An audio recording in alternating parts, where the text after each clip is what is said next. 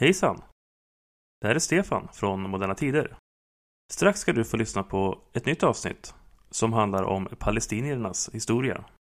Just därför vill jag först bara informera om att avsnittet spelades in före Hamas attack på Israel den 7 oktober och den eskalering som har skett efter det. Då var det sagt. Nu hoppas jag att du får en trevlig lyssning. Rulla vignetten. När det brittiska mandatet Palestina upphörde den 14 maj 1948 utropades staten Israel. Dock hade inte det tämligen nybildade FN nått någon lösning vad gällde delningen av Palestina mellan judar och araber. Britterna hade redan i slutet på första världskriget spelat ett dubbelspel och gett garantier angående egna länder på territoriet för båda dessa grupper. Hur såg utvecklingen ut i Palestina under mellankrigstiden? När och hur väcktes det palestinska motståndet på allvar? Och hur har de olika ansträngningarna för fred sett ut? Gästar Moderna Tider gör Ingmar Karlsson. Han är diplomat och författare. Han har skrivit ett flertal böcker och 2023 utkom han med boken Folket som inte fick finnas, palestiniernas historia. Ja, men då hälsar jag alla lyssnare välkomna åter till Moderna Tider och eh, jag hälsar framförallt dig välkommen, Ingmar Karlsson, till podden. Tack så mycket. Vi ska ju prata om eh, palestiniernas historia och vi kommer mest röra oss på 1900-talet. Men jag tänkte man kunde, kunde börja med att titta lite längre bak i den historiska bakgrunden, lite mer till konflikten och eh, hur det har sett ut i det här området genom historien. Det har ju varit en del, en del av de stora världsrikena och eh, det assyriska riket, sen eh, grek, grekiska världsherraväldet, eh, romarriket, osmanska riket. Och hela tiden har det här begreppet eh, Palestina som egentligen kommer från ordet filister har funnits där för en befolkning som har varit mycket ja, blandad, folkvandringar eh, ut och in, men det har ju varit en, ja, som man kan läsa i Bibeln, ett, ett befolkat område. Och sen, när, som, sen från mitten av 1500-talet låg under det osmanska väldet och eh, då var det administrerat eh, enligt deras system med, med religiösa nationer och olika län och, eh, ja, administrativa indelningar. Men om man ska gå till dagens historia så får man förflytta sig till Paris och eh, en rättssal i, i Paris i december 1894. Då pågick en rättegång mot en fransk officer med judisk bakgrund som hette Dreyfus som var anklagad för att ha varit en tysk spion och som på helt felaktiga grunder dömdes till livstidsfängelse på Djävulsön i Sydamerika. Och det väckte stor uppståndelse. Och bland de som deltog i denna process som observatörer var en ung österrikisk journalist som hette Theodor Herzl med judisk bakgrund som skrev för en tidning i Wien. Och han blev så upprörd och tagen av de eh, utbrott av antisemitism som präglade rättegången också i det Frankrike som han beundrade att han då fattade ett beslut att ägna sitt liv åt att skapa vad han kallade ett hemland för, för förföljda judar. Han använde det tyska ordet Heimstätte. Men väl att märka är att han, när han hade dessa planer på ett hemland för judarna så gjorde han ett undantag för just Palestina. Han sa vi får inte återknyta vår historia till den plats där den stora tragedin ägde rum. Alltså då när, när romarna förstörde eh, templet. Utan han tänkte sig ett landområde var som helst där man skulle kunna bygga upp ett nytt samhälle. Det var alltifrån eh, Uganda i Västafrika, i Östafrika, Mali, Patagonien i Sydamerika etc. Och han försökte då få stormakter och intresserade att avyttra eh, områden, alltså brittiska kolonier i första hand, Men eh, det, det lyckades inte. Och eh, han dog 1912. Då hade han skapat den världssionistiska organisationen. Men den var fortfarande hemlös. Men sen kom eh, andra, första världskriget och eh, det ändrade då sedan förutsättningarna. Och det berodde framförallt på att eh, Herzls efterträdare som heter Chaim Weizmann var en vetenskapsman och tekniker och, och, och som var verksam i England, i Manchester. Och han hade utvecklat en, utvecklat en process för att förbättra tillverkningen av granater och kom i kontakt med brittiska försvarsministeriet, utrikesministeriet och lyckades sen få, få dem intresserade för, för eh, den här idén som passade väl in i, i eh, de brittiska planerna på hur Mellanöstern skulle se ut efter, efter, efter första världskriget. Alltså. Ja, för osmanerna deltog liksom mot britterna under kriget. Och eh, det var väl så att britterna även eh, lovade araberna någon typ av eget land i samma område. Just det, där kommer man in på detta. För det, britterna fruktade att eh, det Osmanska riket skulle gå in i, i kriget på tyskarnas sida. Och det gällde dels en farhågor för kontrollen av Suezkanalen som då var ganska ny och att eh, fransmännen skulle få för stora intressen där. Men framförallt var man i London oroad över att sultanen skulle uppmana till ett heligt krig mot, eh, mot britterna. Och, och då i första hand skulle kunna leda till ett uppror i Indien bland den stora muslimska minoriteten. Men för att motverka detta så spelade engelsmännen ett, ett, ett fult dubbelspel här, eller trippelspel. 1914 tog man kontakt med en av eh, de osmanska vasallerna Hashemiten Faisal som hade den fördelen att han också var så här landshövding över, och bodde i Mecka och var landshövding över de heliga platserna. Och eh, det, i en korrespondens mellan brittiska regeringen och Faisal så utlovades eh, Faisal att han skulle bli kung i ett förenat arabiskt rike som skulle omfatta hela våra dagars Mellanöstern och Saudiarabien om eh, han deltog på, britten, på britternas sida i kriget. Och britterna skickade då ut en rådgivare till honom som har gått till historien som Lawrence of Arabia. Och eh, 1918 så tågade Faisal och, och eh, Lawrence in i Damaskus. Och Faisal åberopade då löftet och utropade sig till kung över ett nytt arabiskt kungadöme. Men visste då inte om att britterna hade spelat ett dubbelspel. Dels hade de redan tidigare delat upp Mellanöstern mellan sig och fransmännen mm. och dragit ett streck, streck genom öknen där söder om strecket skulle bli, där Palestina låg skulle bli brittiskt intresseområde och andra franska. Men man hade även, eh, hade utrikesministern Balfour lovat Weizmann att eh, efter kriget så skulle det hem, det Heimstätte för det judiska folket som man ville se, upprättas i Palestina. Och det är den då berömda Balfourdeklarationen från november 1917. Och i, i denna står det att eh, detta Heimstätte ska upprättas, men dock utan att det innebär några problem eller svårigheter för den icke-judiska befolkningen i Palestina. Och det låter ju tolerant och generös. Problemet var då att eh, den icke-judiska befolkningen i Palestina uppgick då till 95 procent. Judarna var bara 5 procent. Så det är ungefär som man idag skulle ha talat om, tala om finnarna i Finland som Finlands icke-svenska befolkning. Och detta löftet är då själva basen till den situation som har utvecklats sedan dess. Men var det så att judarna skulle få en egen stat också då?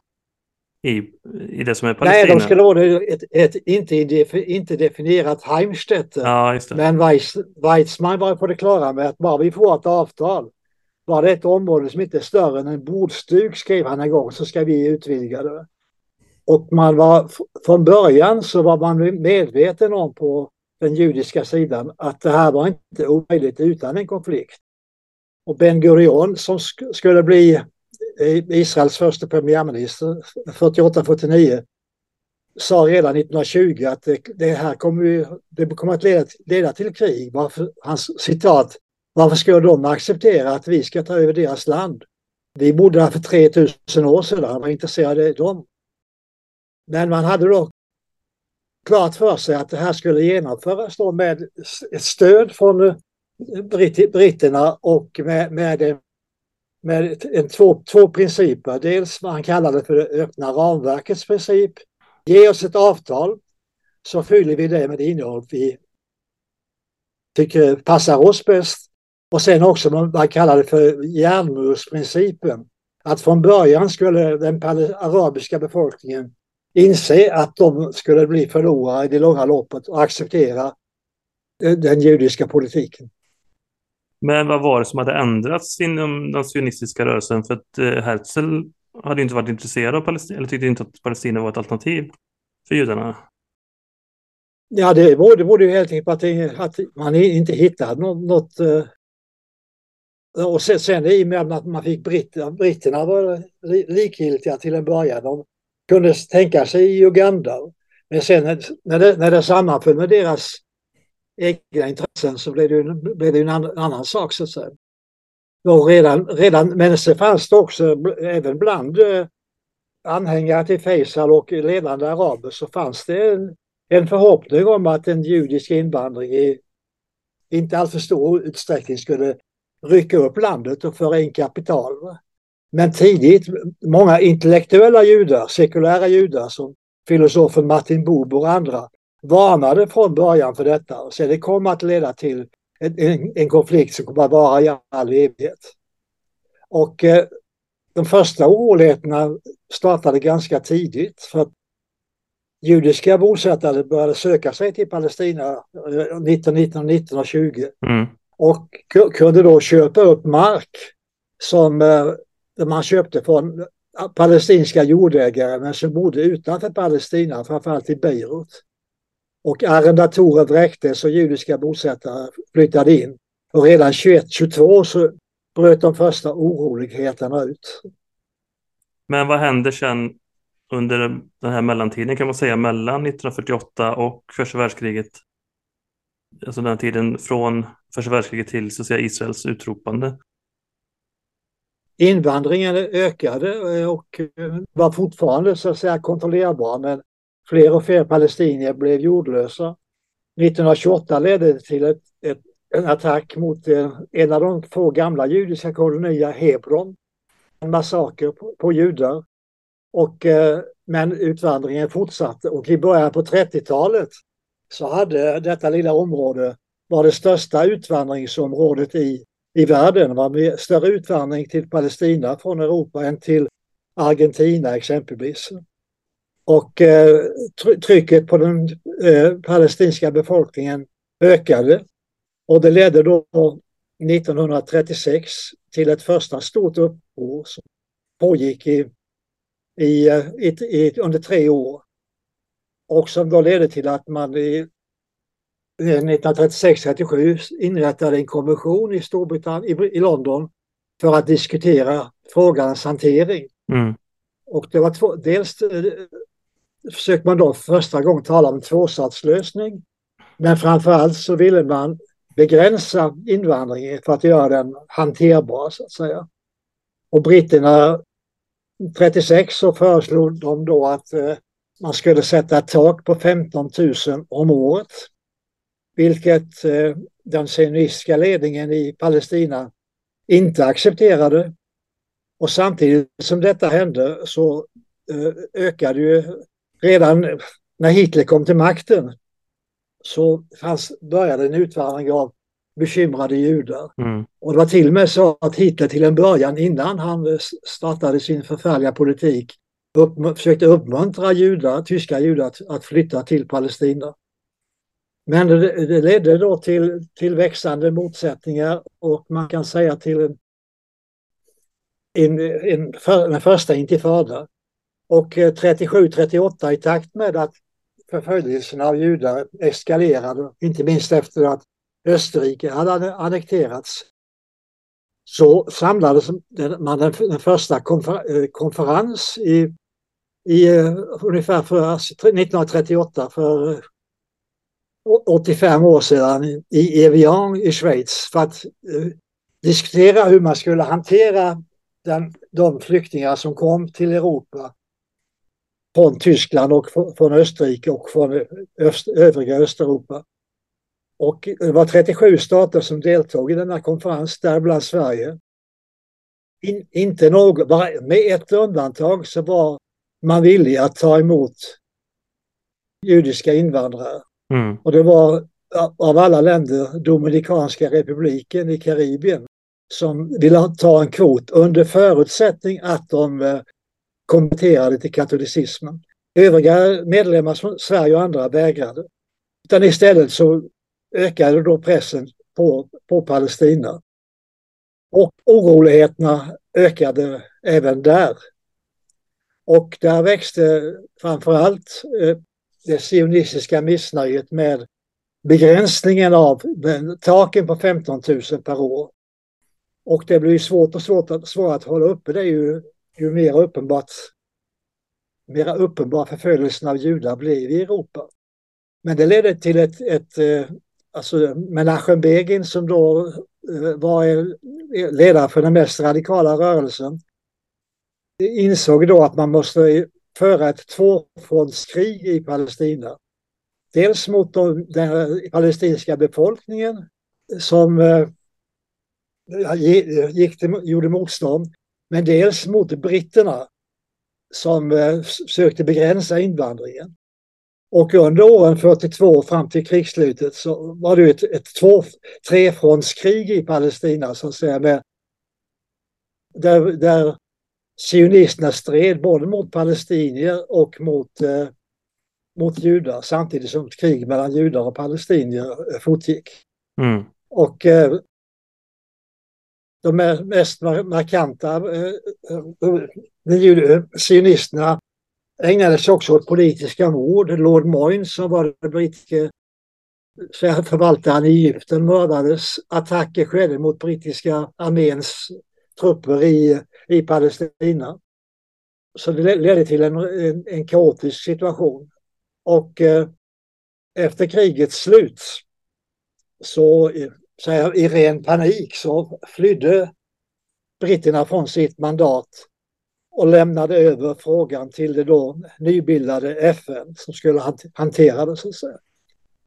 Ja, för britterna hade inga planer på liksom att vara kvar i Palestina. Nej, det kostade för mycket. Det brann ju stora delar samtidigt som de stred mot Rommel i Nordafrika så stred, stred, stred de hade att föra ett inbördeskrig i, sin, i sin, sitt mandat. Men alltså, vad som hade hänt också var, var att, att eh, för att blidka eh, den arabiska besvikelsen efter när Faisal som sa, drevs ut av fransmännen i Damaskus så delade man upp det ursprungliga mandatet Palestina och omfattade även vad som idag är våra dagars Jordanien, alltså Transjordanien. Så vad britterna gjorde för att tillgodose Faisal och hans familj var att att Faisal själv fick bli kung i det brittiska mandatet i Irak och hans yngre broder eh, Abdullah blev då monark i den östra delen av mandatet Palestina i, i vad som då är Jordanien. Och detta var, var någonting som, som eh, sionisterna inte accepterade och inte heller gör idag. De extrema krafterna i dagens israeliska regering kräver fortfarande att, hävdar fortfarande att eh, Jordanien är en del av det mandat som de anses ha ett både politiskt och gudomligt löfte till. Så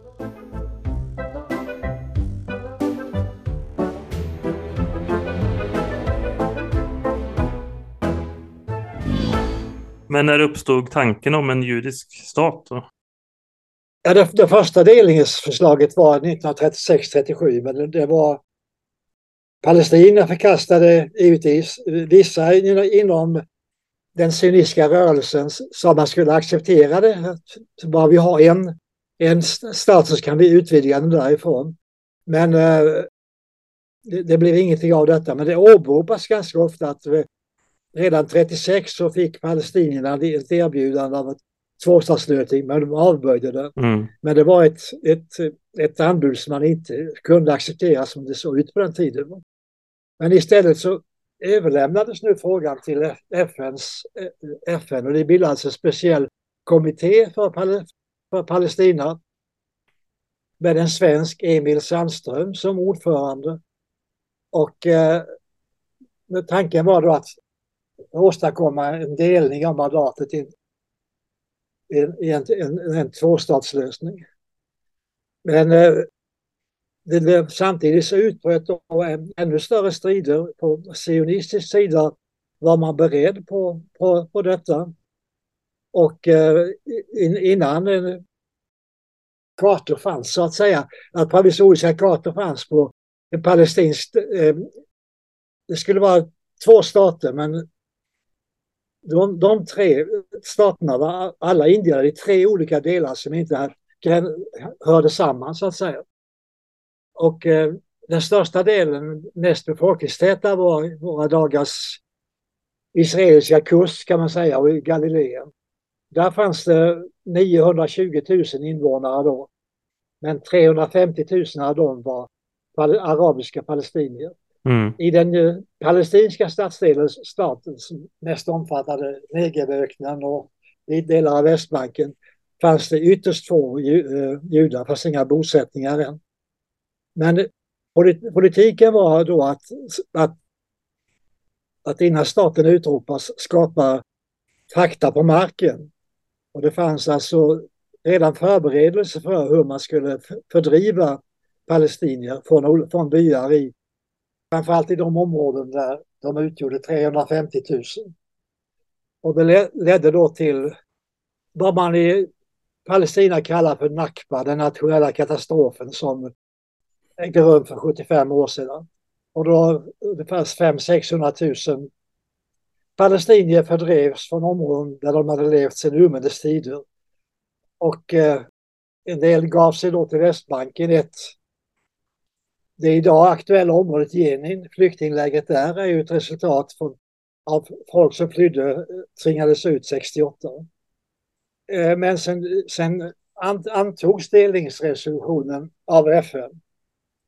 Och när man talar om Israels rätt att existera folkrättsligt, vilket är obestridligt, så baseras den just på FNs delningsbeslut i generalförsamlingen.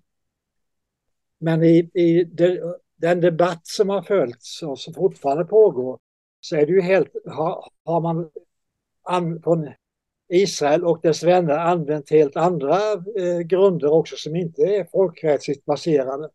Man talar om den bibliska rätten och om kulturarbetets rätt och om lidandets rätt. Och kulturarbetets rätt går ut på den myt som spreds att eh, Palestina var ett land utan folk för ett folk utan land 1918. Det, var, det fanns då 900 000 eh, invånare. Lidandets rätt att eh, det är ett ganska märkligt resonemang men som har haft stor genomslagskraft. Det går ju ut på att Palestina skulle betala vår, vår skuld gentemot eh, hur vi har tvingat, ut judarna från, Europa. Så det, om man tillämpade lidandets rätt så borde ju en judisk stat ha upprättats i, i Bayern eller ja, i Litauen där förföljelsen av judar var som störst. Och kulturarbetets rätt, eh, mitt intresse för Palestina väcktes när jag som ung student i början på 60-talet begav mig till Is Palestina och Israel just för att eh, jag var så fascinerad av samhällsbygget. Och där kom de till ett område som ju inte var något eh, resultat av en blommande öken utan man kunde ju se de uråldriga palestinska byarna och olivlundarna. Så det, det väckte ett intresse för frågan som sedan har levt kvar länge. Men eh, och sen när man när beslutet, när FN tog beslutet om att upprätta staten Israel ja så bestod FN av 56 medlemsstater. Det var så, så, så såg ut då. Bara, bara tre eller fyra kunde räknas som muslimska. Iran, Jugoslavien och, och Indien. Och eh, beslutet skulle, krävde en två tredjedels majoritet av dessa 56. Och den kunde uppnås först efter oerhört hårda... Det var två skäl till att den kunde uppstå. Dels var det att Ryssland eller Sovjetunionen hade varit emot eh, tanken på en, en, en, en judisk stat. Men plötsligt ändrade, ändrade Gromyko sig och stödde tan tanken och eh, fick, fick då med, med sig också Ukraina och Vitryssland som hade sina egna, egna röster. Och sen efter var det hårda amerikanska påtryckningar för att få den här två tredjedels majoriteten. Så man pressade länder som Haiti, Guatemala, Salvador, Filippinerna, Liberia och andra självständiga stater. De få stater i den tredje världen som var självständiga att rösta. Och eh, Filippinernas delegat gick upp i talarstolen och höll ett brandtal mot en delning av, av Palestina. Men ändrade sig mitt under talet, utan han fick instruktioner. Med, och med knapp nöd så fick man den här två majoriteten som skapade det problemet som vi har idag.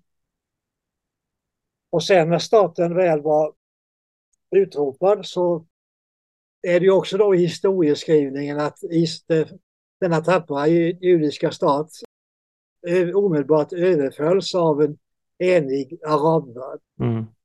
Och eh, ja, arabvärlden, Syrien hade varit självständigt i knappt två år och redan drabbats av militärkupper. Samma sak med Irak som var, varit en brittisk lydstat som låg längst bort och inte hade någon egentligen med. Jordanien höll sig avvaktande för att eh, Abdul eh, som, som var kung i Transjordanien han eh, såg här en chans att, att eh, om han håller sig passiv så kan han få Västbanken och östra Jerusalem som pris. Och Egypten var då den egentliga stormakten. Och eh, kriget, kriget blev inte långvarigt, det var eh, några kritiska skeden utan det ledde till en ett nederlag och en stor bitterhet i, i arabvärlden. Mm. Detta 48. Sen hade vi då en, en period med eh, fram till 67 års krig då de första attackerna mot, Israel började från av palestinska aktivister. De mest från Gazaremsan och från Egypten. Men det var ju aldrig något hot mot Israel. Men jag tänkte på en sak. Eh, det här, för att Israel utropades ju då på, på ett visst eh, område så att säga. Till exempel Gaza och Västbanken och sånt var ju inte israeliska områden, östra Jerusalem. Men de, där utropades ju inte någon stat. Vad, vad hade de för liksom status i den här liksom mellanperioden? Innan de, då, de blev ockuperade av Israel? Ja, Gaza, Gaza var under israelisk förvaltning och Västbanken var ju en del, en del då av Jordanien. Ja, det var så. Ja, okay. Mm. ja, så när jag när jag var, kom till Israel första gången så åkte jag via Jordanien och eh, Jordanfloden var då inte en gräns utan man, där Västbanken var en del av Jordanien. Utan man gick, när man gick in i Israel så gick man då från östra Jerusalem och in i Israel. Städer som Ramallah, Jenin och Hebron var, var ju då del av Västbanken. Men eh, samtidigt, samtidigt var ju dessa delar sionismen var ju till en början sekulär, man drömde om ett socialistiskt samhälle. Men det fanns också bland sionisterna eh, grupper som, som framförallt höll fram det bibliska motivet. Och det var de som, som Begin och andra. Och de som också motsatte sig en delning av mandatet Palestina i, i två delar på 1920-talet. Men sen, sen med sexdagarskriget och erövringen av av framförallt Västbanken så kom en, blev den religiösa faktorn ännu starkare. Mm. Då, hade, då, hade man, eh, då, då fanns de så här, bibliska kärnländerna, Judeen och Samarien, i israelisk kontroll. Och det blev ju ett politiskt axiom i de, eh, att det här ska vi, har vi aldrig... Nu har vi de stora delar av de områden som, som Gud en gång, en gång lovade oss. Och då kom den religiösa faktorn in i bilden och med den också eh, efterhand bos, bosättningspolitiken. Ja, just det. Men det palestinska motståndet så säger föds väl också på 60-talet på allvar? Ja, alltså det... Så länge Västbanken var under jordansk kontroll så var det ju ingen, var ju inte det något, något ingen, ingen infiltration därifrån utan det var framförallt från Gaza och Egypten. Och eh, Nasser framställde sig som den, den stora förkämpen för den palestinska staten. Men samtidigt var han oerhört mån om att hålla den palestinska rörelsen under kontroll så att ingen... Och det, alltså min bok handlar lika mycket om pal Palestinas eh, konflikt med Israel som palestinska konflikten med övriga arabvärlden som har svikit gång på gång. Och eh, tidigt så palestinska studenter i Egypten bildade palestinska organisationer. Mm. Och de stod under den egyptiska säkerhetspolisens kontroll. En av dem var en ung 20-årig student som, som eh, sen tog sig namnet Yasir Arafat som tvingades fly till, till Kuwait. Bland annat, bland annat med eh, Abbas som nu är Palestinas så kallade president ingick i denna grupp. De organiserade ett motstånd där och där skapade de 1959 en organisation som de kallade för Al-Fatah. Men de kunde aldrig använda Västbanken som en språngbräda in i, i, för attacken. Och sen även efter 67 med, när Västbanken var ockuperad så var det till en början en ganska välvillig ockupation från israelisk sida innan de religiösa övertonerna blev alltför starka. Så borgmästarna som eh, fanns på Västbanken, de fick sköta förvaltningen under israelisk överhöghet. Så det skedde inga sådana drastiska förändringar då som kunde ge eh, grund för en gerillanäring. Utan de attackerna kom framförallt från, från Gaza. Men för att hålla den här palestinska rörelsen under kontroll så bildades eh, 1964 vad man kallade för PLO. Mm. Och eh, en saudier blev chef och man hade ett parlament där man sam, som möttes i Kairo och på andra ställen med representanter från palestinierna utanför Israel så att säga. Men som var helt maktlös. Men syftet var att, att hålla kontroll över den här rörelsen så att inget eh, inga konflikter framkallas mot eh, Egyptens och eh, grannstaternas eh, önskemål. Alltså det, det, det land som kanske alltid har varit mest militant mot, eh, mot eh, Israel, Syrien.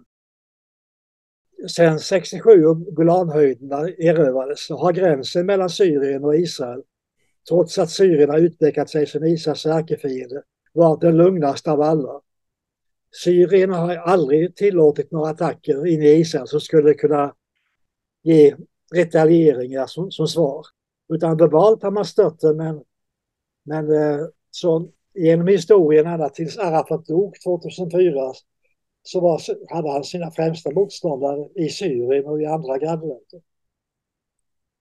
Och eh, sen när den 1970 så började situationen ändras. Då, då, den palestinska diasporan, de, här organisationerna som Al-Fatah hade bildats tidigare. Mm. När, när, man, när man märkte det så bildade även Syrien och Irak och andra länder sina särskilda palestinska organisationer för att hålla, hålla utvecklingen, situationen under kontroll. Men eh, den stora flyktingströmmen gick ju till Jordanien och eh, trycket ökade ännu mer då efter 67 års krig när, när det blev en flyktingström också från Västbanken in i Jordanien. Och där blev palestinierna en stat i staten och tog över allt mer, vilket ledde till vad man kallar för den svarta september, ett inbördeskrig i september 1970 mellan palestinierna och eh, kung Hussein. Mm. Som ledde till att Jordanien inte längre var den palestinska staten utan organisationerna drevs, eh, drevs ur, ur därifrån. Men det här kriget, för det blev ett krig sedan 1973 också, Jom Kippur-kriget eller oktoberkriget. Det var ett försök från arabländerna att liksom ta tillbaka områdena? Nej, det var ju en, en Sy Syrien och, eh, och, eh, och Sadat som gjorde detta. Och det var Egypten som var pådrivande. Därför, därför att eh, konflikten var för kostsam för det egyptiska samhället. Och eh, det ledde också till inrikes missnöje. Och alltså, palestinierna, PLO, hade inte någon som helst inverkan i detta. Och, inte, och, eh, och kung Hussein hölls också utanför på, i, i vad som idag är Jordanien. Utan eh, Sadat, Sadats mening, avsikt framför allt var att, att eh, få sådana framgångar att han skulle kunna börja förhandla om att få tillbaka åtminstone delar av Sinai med oljefälten. Ja. Och kunna sammanfalla, sam, sammankalla en internationell konferens för att diskutera frågan.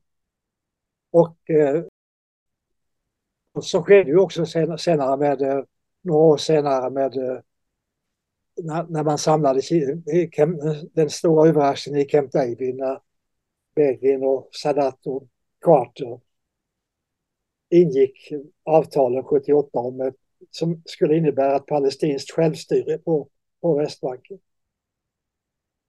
Men alltså också när, när, det, gäller, när det gäller också den här eh, utbredningen av gränserna. Jag sa att en princip eh, som eh, Israel har hållit fast vid är att vi ska bara, har vi bara ett avtal så ska vi tolka det som, som vi vill. Mm. Och eh, 67 års krig slutade ju med den berömda resolutionen 242. Den skulle innebära ett återtag, ett återtåg från, av Israel från ockuperade områden eh, och en, en fredskonferens. Men eh, Israel vägrade att, att, att eh, godkänna ett, ett, eh, ett totalt återtagande från de områdena, alltså Västbanken som erövrades. Och det ledde till den märkligheten att om du ser på den här resolutionen så i den franska versionen så står det att man ska dras tillbaks från les territoires occupés, de ockuperade områdena. I den engelska versionen står det bara occupied territories, mm. ockuperade områden. Vilket eh, Israel då tolkade som ja, en rätt till att, att behålla delar av detta och inleda bosättningspolitiken. Men var det en medveten luddighet eller? Det var en medveten luddighet. Och sam, samma, samma luddighet finns i där Camp David-avtalet 78. Där eh, om palestinskt självstyre. Det är ett långt, ett långt avsnitt med mängder av fotnötter och eh, hänvisningar hit och dit. Som, som man israelisk sida har tolkat som ett okej okay för bosättningspolitik. Det, det talas om Palestinas legitima rättigheter på Västbanken. Och vad, då säger Begin, vad är legitima rättigheter? Det finns väl inga rättigheter som är illegitima. Men vad som är rätt och fel bestämmer vi, det är vi som har makten. Så efter, efter då detta avtal som skulle leda till den allmänna freden, då började man planera för en bosättningspolitik som fortsätter än idag, som skulle göra varje tanke på en tvåstatslösning eh, omöjlig. Men kan man säga att Egypten delvis lämnade Palestinafrågan då i samband med freden? Ja, i praktiken. Om man, man, sen fick man ju tillbaka sin, Ja, jag tänkte det. Men det var det som var största intresset kanske för Egypten egentligen. Ja, i den, i den, men samtidigt i den palestinska i retoriken har man ju hela tiden varit, stött Palestina.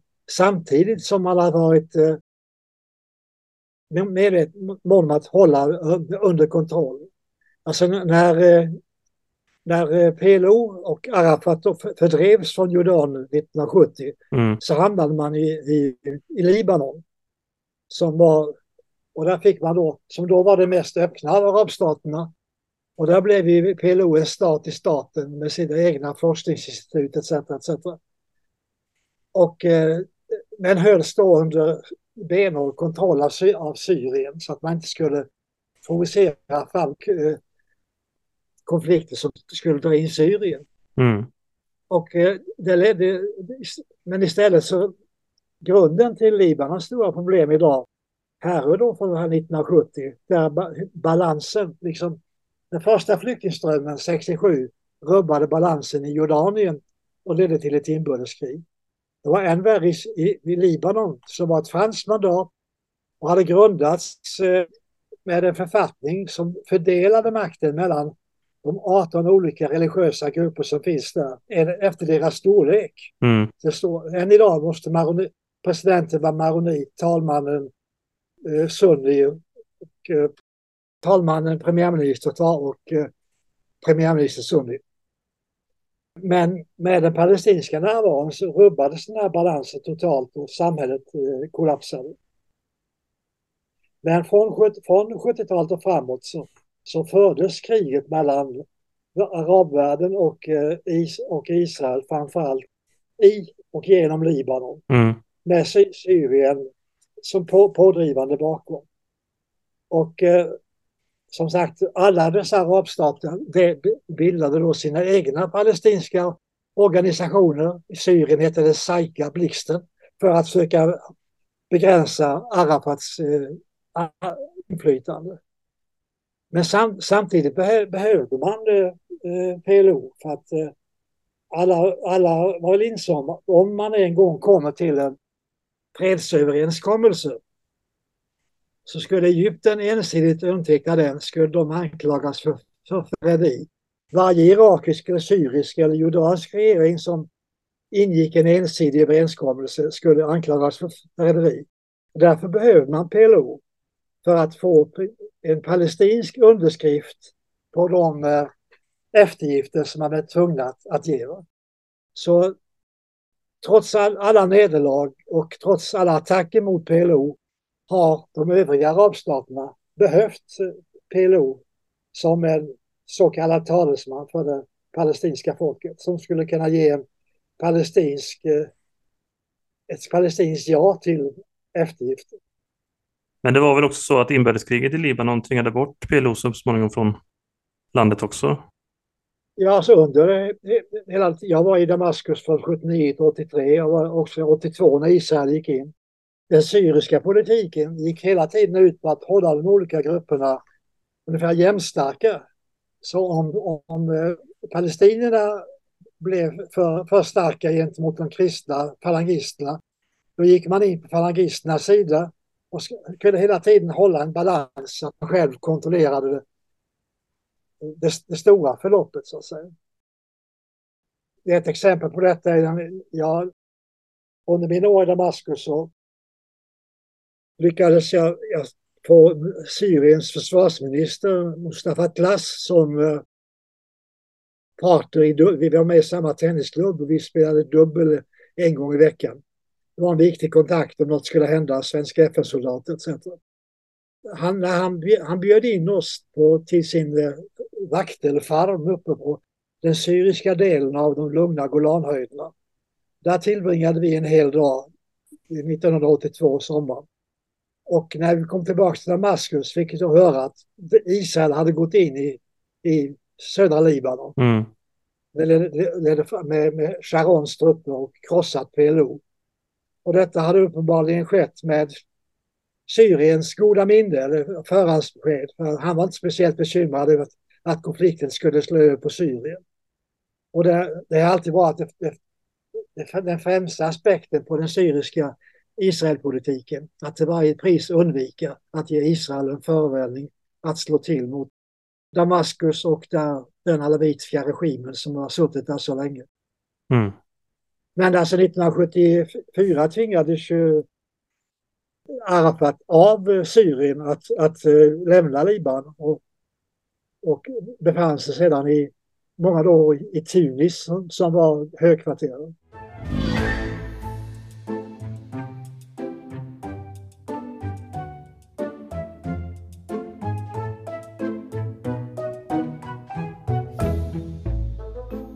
Men vad händer sen då? För sen kommer intifadan och det 1988.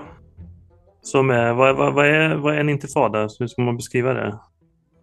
Ja, det är samma sak som hände 1936. Ett, ett folkligt uppror mot, eh, både mot ockupationen och mot det egna styret. Och i 87 så var det, den utlöstes av att en, eh, en händelse i Gaza där en israelisk militärlastbil körde ihjäl, några, kanske av misstag, några ungdomar. Men det var den tändande gnistan. Och eh, det ledde till, eh, till eh, ett, ett uppror, inte minst på Västbanken, av de breda befolkningslagen som och också till att en, en radikal organisation skapades i Gaza, Hamas. Men det har i efterhand visat sig att det var i stor utsträckning en israelisk skapelse. Man stimulerade fundamentalistiska krafter, på, i, framförallt i Gaza men även på Västbanken, för att försvaga PLO. Men eh, det här blev någon slags utnötnings... Eh, det kostade även Israel ganska mycket, den här intifadan. Mm. Och ledde då fram till internationella ansträngningar att försöka lösa konflikten. Sverige med Sten Andersson spelade en ganska stor roll i att försöka få igång förhandlingar. Att påverka PLO att erkänna, att i klartext erkänna Israels existens etc. Och eh, svenska UD lade ner mycket arbete på detta. Men de som var mest framgångsrika var norrmännen som då ledde fram till Osloavtalen 93 Mm. Och eh, en ny överenskommelse om eh, ett, palestins, ett palestinskt självstyre som ledde till att eh, Arafat kunde återvända och slå sig ner i, på, på Ramallah på Västbanken. Men det här var ju en, ett oerhört komplicerat eh, avtal med tre olika zoner så att säga där Palestina skulle ha styret över framförallt sex större städer Så var en zon där man skulle ha delat ansvar för säkerheten och ett stort område där Israel behöll all, all kontroll. Det väckte vissa förhoppningar men eh, snart växte missnöjet med eh, Arafat. Inte bara i omvärlden utan också på Västbanken där de, de som hade genomgått in, första intifadan och försökt förvalta sina gamla hemområden blev nu så att säga överkörda av att det kommer ny förvaltning utifrån. som och det har alltid funnits en motsättning mellan olika, både olika familjer på Västbanken och mellan dem och övriga pal palestinier. Mm.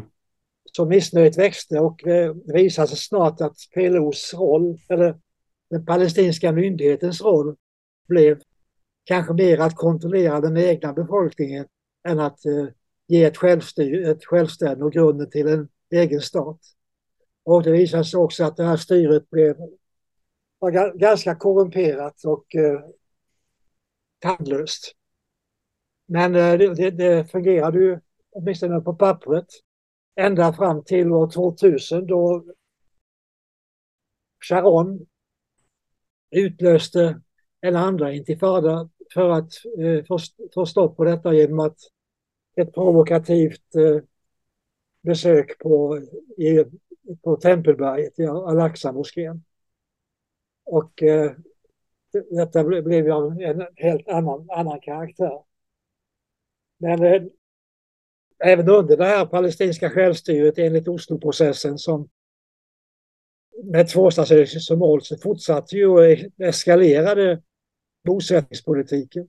Mm. Och när man nu talar bosättningar så tänker man sig så här spridda utposter. De största bosättningarna är ju städer av Malmös storlek med ett par hundratusen invånare. Så den, politiken har fortsatt att, att, eh, att med hjälp av bosättningar göra varje tanke på en, eh, en tvåstatslösning en, en omöjlighet. Men eh, Clinton gjorde väl något slags försök innan han avgick? Å, återigen då på Camp David Jo, men, men där, jag skriver, beskriver ganska, man kan inte gå in på de här processerna, men det ingår då också i, i taktiken att, att uh, skylla alla misslyckanden på att eh, uh, PLOs omedgörlighet. Och det avtal som, som Arafat till sist uh, förkastade skulle ha inneburit att från att ha haft 22 procent av, det, av det tidigare Palestina som under sitt formella under sin formella överhöghet så skulle ett, en accept av Clintons eh, plan ha, ha reducerat det här till 14 procent. Och det, var, det säger ju amerikanska förhandlarna själva, vilket jag citerar i boken, att ingen palestinsk politiker hade kunnat eh, gå med på detta. Nej. Och sen samtidigt använde då, började som en, som en följd av eh, Sharon som en följd av eh, inte för alla att, att bygga muren som skulle skilja de två folken från varandra. Mm. Och man eh, skapade då slag, ett slagord att vi här och ni där på andra sidan muren. Och eh, under tiden har då bosatt, bosättningspolitiken fortsatt. Det har lett till ett system, om man nu ska karaktäriserade det forna mandatet eh, Palestina 105 år efter, eller 106 år efter Balfourdeklarationen så är det ju sex, sju olika, olika områden. En del eh, Palestina efter 67 års gränser som är eh, då en demokrati men som är satt under hård press nu av högerpartier. Mm. Och också med, med en befolkning på 20 procent palestinier som i Israel länge, länge levde under kanske bättre demokratiska och inte minst ekonomiska villkor än övriga, inte minst palestinierna i flyktinglägren och, och i diasporan. Mm. Men som nu, nu har blivit eh, mer och mer eftersatt och sen en, en lagändring från 2018 betraktas som inte längre som likvärdiga medborgare. Utan nu sägs det i klartext att Israel är en judisk stat. De andra är en annan klass medborgare. Ja, sen har vi då Gaza som eh, i, i motsättningarna mellan en, en orsak, en, en sak som drar tillbaka tiden till 2005 mm. då Sharon beslöt att släppa Gaza och, och, och eh, dra tillbaka bosättningarna där.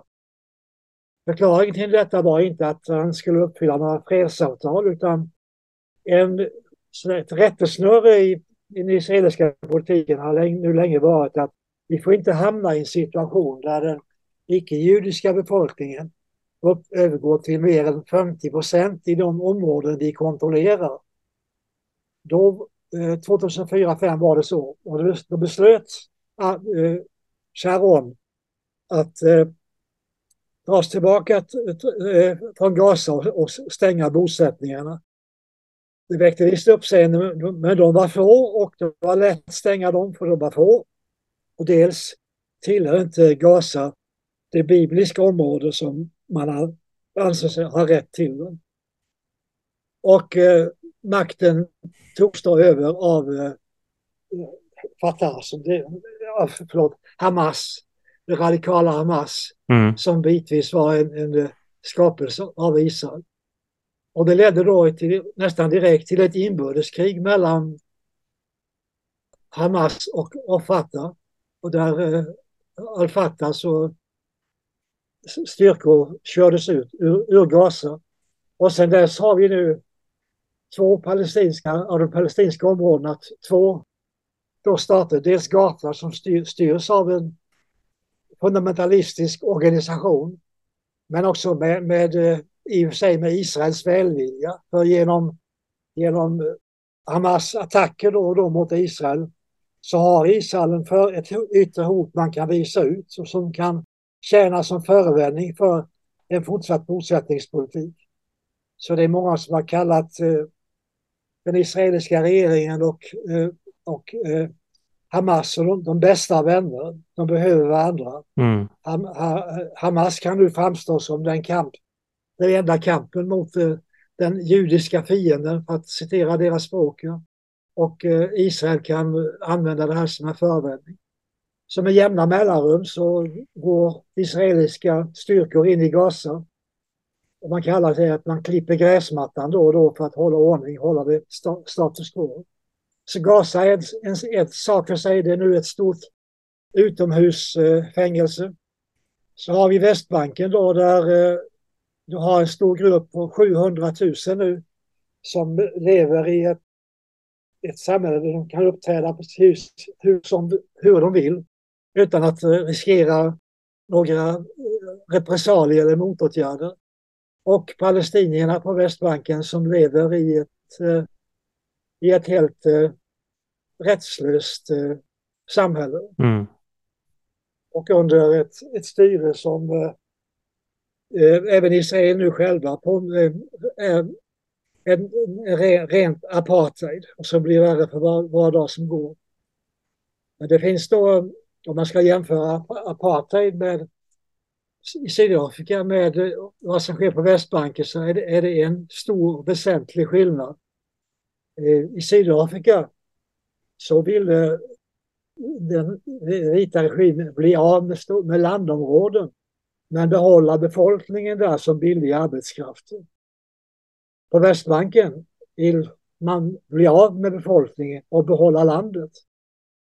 Och det, och det är den nya inrikesministern som tillhör de eh, radikala talar ju nu öppet om att det, vad som nu händer i Jenin kan leda till en, eh, ja, en kollaps och en ny fördrivning så att man eh, kan lösa det där problemet med eh, att vara 50-50. Mm. Ett problem är ju att den befolkningstillväxten inte, inte talar till Israels fördel. Nej. Men jag tänkte också på att den övriga arabvärlden har väl också, har, har väl frågan också blivit mindre prioriterad. Det var ett antal Gulfstater som också slöt fred med Israel för några år sedan. Ja, du kan ju se det i och med uppgörelsen med Israel och eh, Gulfstaterna hade ju men inte bara Gulfstaterna utan eh, Marocko som hade legat långt från, bort från konflikten men ändå varit militanta.